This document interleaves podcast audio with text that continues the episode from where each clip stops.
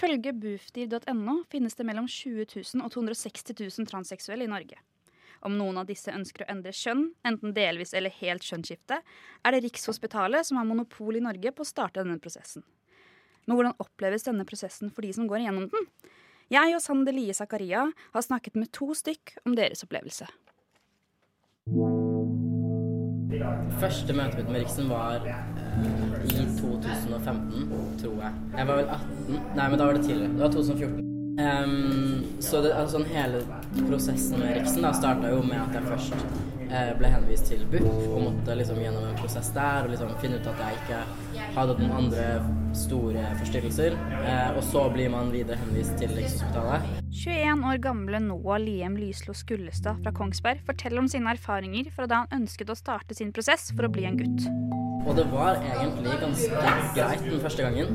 Jeg hadde jo hørt veldig mye om Rikshospitalet før. Jeg hadde hørt at de um, legger veldig stor vekt på tradisjonelle kjønnsroller. Du kan på en måte ikke være noe midt imellom. Du må være veldig jente eller veldig gutte. Um, så jeg husker at jeg liksom tok meg de mest maskuline klærne jeg hadde. Jeg var forberedt på liksom en sånn Jeg er en sterk heterofil mann som jeg ikke er i det hele tatt.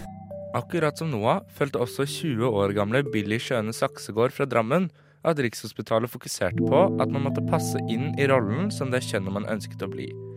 Ønsket man å bli kvinne, måtte man være 100% feminin.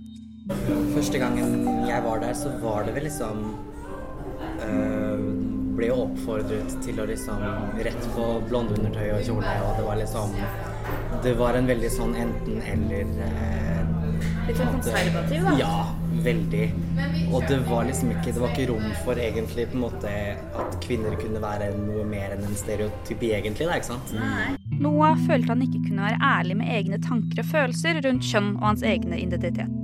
Før jeg begynte, så var det veldig mange som var sånn Ok, du kan aldri si det på Riksen, f.eks. Du kan aldri si at eh, du f.eks. liker litt feminine ting, da.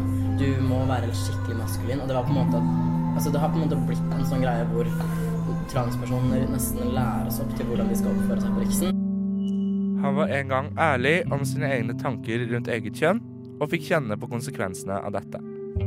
Ja, nei, altså, jeg prøvde en gang. Uh, det var en gang jeg, jeg tror jeg sa liksom ja, Jeg føler meg egentlig ikke 100% maskulin. Altså, jeg er ikke 100% maskulin hele tiden. Og da var det veldig sånn OK, men da må du ta en tenkepause, og så kan du komme tilbake om et halvt år.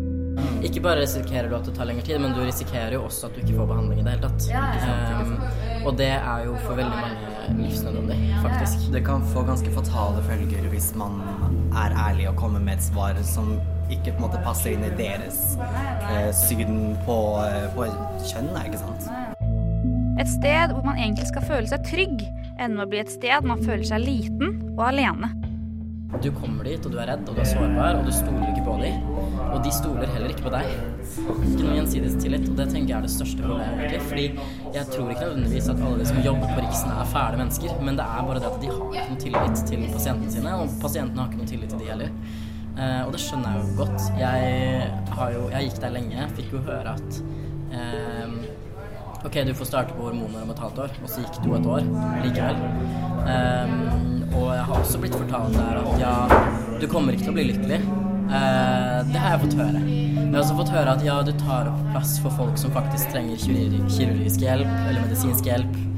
Eh, og det har jeg fått høre med psykologen min til stede. Og da tenker jeg at det er ganske sjukt at man sier det til pasientene sine, som egentlig er folk som du vil hjelpe. Det er det ene trygge stedet vi skal kunne ha, og så har vi ikke det.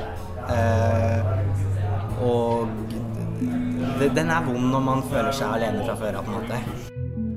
I Norge er det utelukkende Rikshospitalet som gir den nødvendige behandlingen til transpersoner, og folk fra hele landet blir henvist hit. På sine nettsider skriver Rikshospitalet at erfaringsmessig vet vi at mange pasienter med diagnosen transseksualisme flytter til Oslo i løpet av en flerårig behandlingsperiode. Og dermed har vi en relativ overvekt av henvisninger fra Helse Sør-Øst. Dette kan skyldes at toleransen og aksepten for transseksualisme er større i Oslo-området enn i resten av landet. Derimot mener Billy og Noah at dette kommer av sentraliseringen og begrensende tilbud. Tilbudet burde jo virkelig desentraliseres. Det er jo helt, eh, helt merkelig hvordan du må Landet vårt er ganske langstrakt. Og du, hvis du sliter med dette her i Alta, så må du ned til Oslo for å få én time for å høre at du må komme tilbake om et halvt år igjen. Du får jo, det er jo helt, det er helt snålt. Samtidig har Rikshospitalet stilt seg kritisk til privat behandling. Og så har jeg fjerna brystene, men det har jeg gjort privat. Rett og slett fordi det er lang ventetid der, men også fordi jeg har uh, hørt at de har sagt at de har, de har såpass lite kapasitet da, at de eh, i hvert fall til en jeg kjenner, har sagt at ok, bare gå og operer deg privat. Det går fint. Eh, men det som da er veldig merkelig, er at de etterpå har lagt ut eh, på nettsiden sin at eh, alle som har påbegynt privat behandling, får ikke behandling hos oss. Midt i påskeuken 2018 oppdaterte Rikshospitalet sine retningslinjer. Det ble nå vanskeligere for transseksuelle som allerede hadde startet behandlingen privat, å få behandling hos Rikshospitalet i tillegg. Dette førte til store protester og nærmest panikk hos organisasjonen FRI, som står for Foreningen for kjønns- og seksualitetsmangfold. Eh, det resulterte jo i at det var mange unge, veldig, mange, altså veldig unge transpersoner som har gått rundt med et håp eh, om å begynne privat, f.eks. Eh, nå føler at det liksom får Ja, ikke sant. De får inntrykk av at ok, nå kommer jeg aldri inn på Riksen, nå er det ikke noe vits å leve mer. Så de frykta rett og slett at det her gikk, det her gikk rett og slett på liv og død for veldig mange. Derimot trakk Rikshospitalet tilbake formuleringen kort tid etter.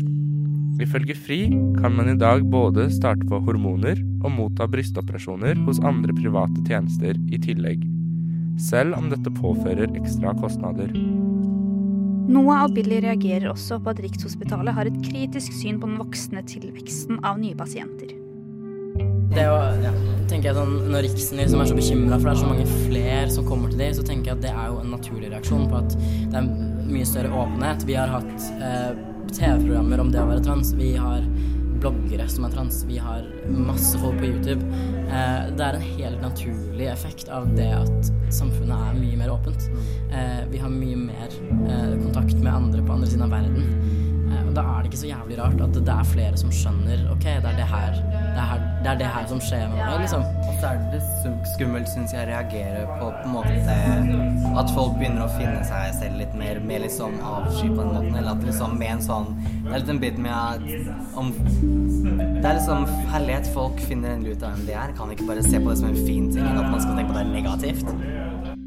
Se for dere at uh, sjefen på Rikshospitalet og Bent Høie sitter og hører på akkurat nå. Altså, hva, hva ville dere kanskje Hva ville dere sagt? Hva er det som liksom er viktig for dere? Hva er det som endres med dette systemet? Behandle oss med respekt, først og fremst. Putt oss og se på oss som individer og eh, på en måte mennesker med følelser, og at vi er sår, i en sårbar situasjon, heller enn at på en måte, de skal putte sin egen agenda først, da. Rett og slett. Det er min lille, litt, mitt lille hjerteskrik, rett og slett. Mm. Jeg tenker at det er superviktig først og fremst at, eh, at det desentraliseres. da, At man har tilbud der man bor. Eh, om ikke i hjemkommune, så i hjemfylke, i helseregionen. Det er kjempeviktig når det er folk som må reise så langt. Um, og i tillegg så syns jeg at de må bli så sinnssykt mye flinkere på dette med individuell behandling. Jeg skjønner at de ikke kan skreddersy en plan for alle, men jeg syns de burde se enkeltindividet mye bedre enn det de gjør.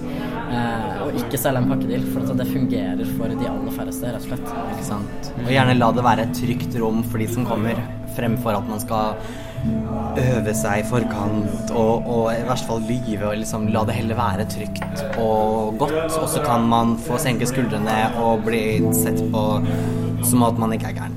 Så mer ressurser til hver enkelt eh, pasient, definitivt, definitivt. Mm. Faktisk. Ja.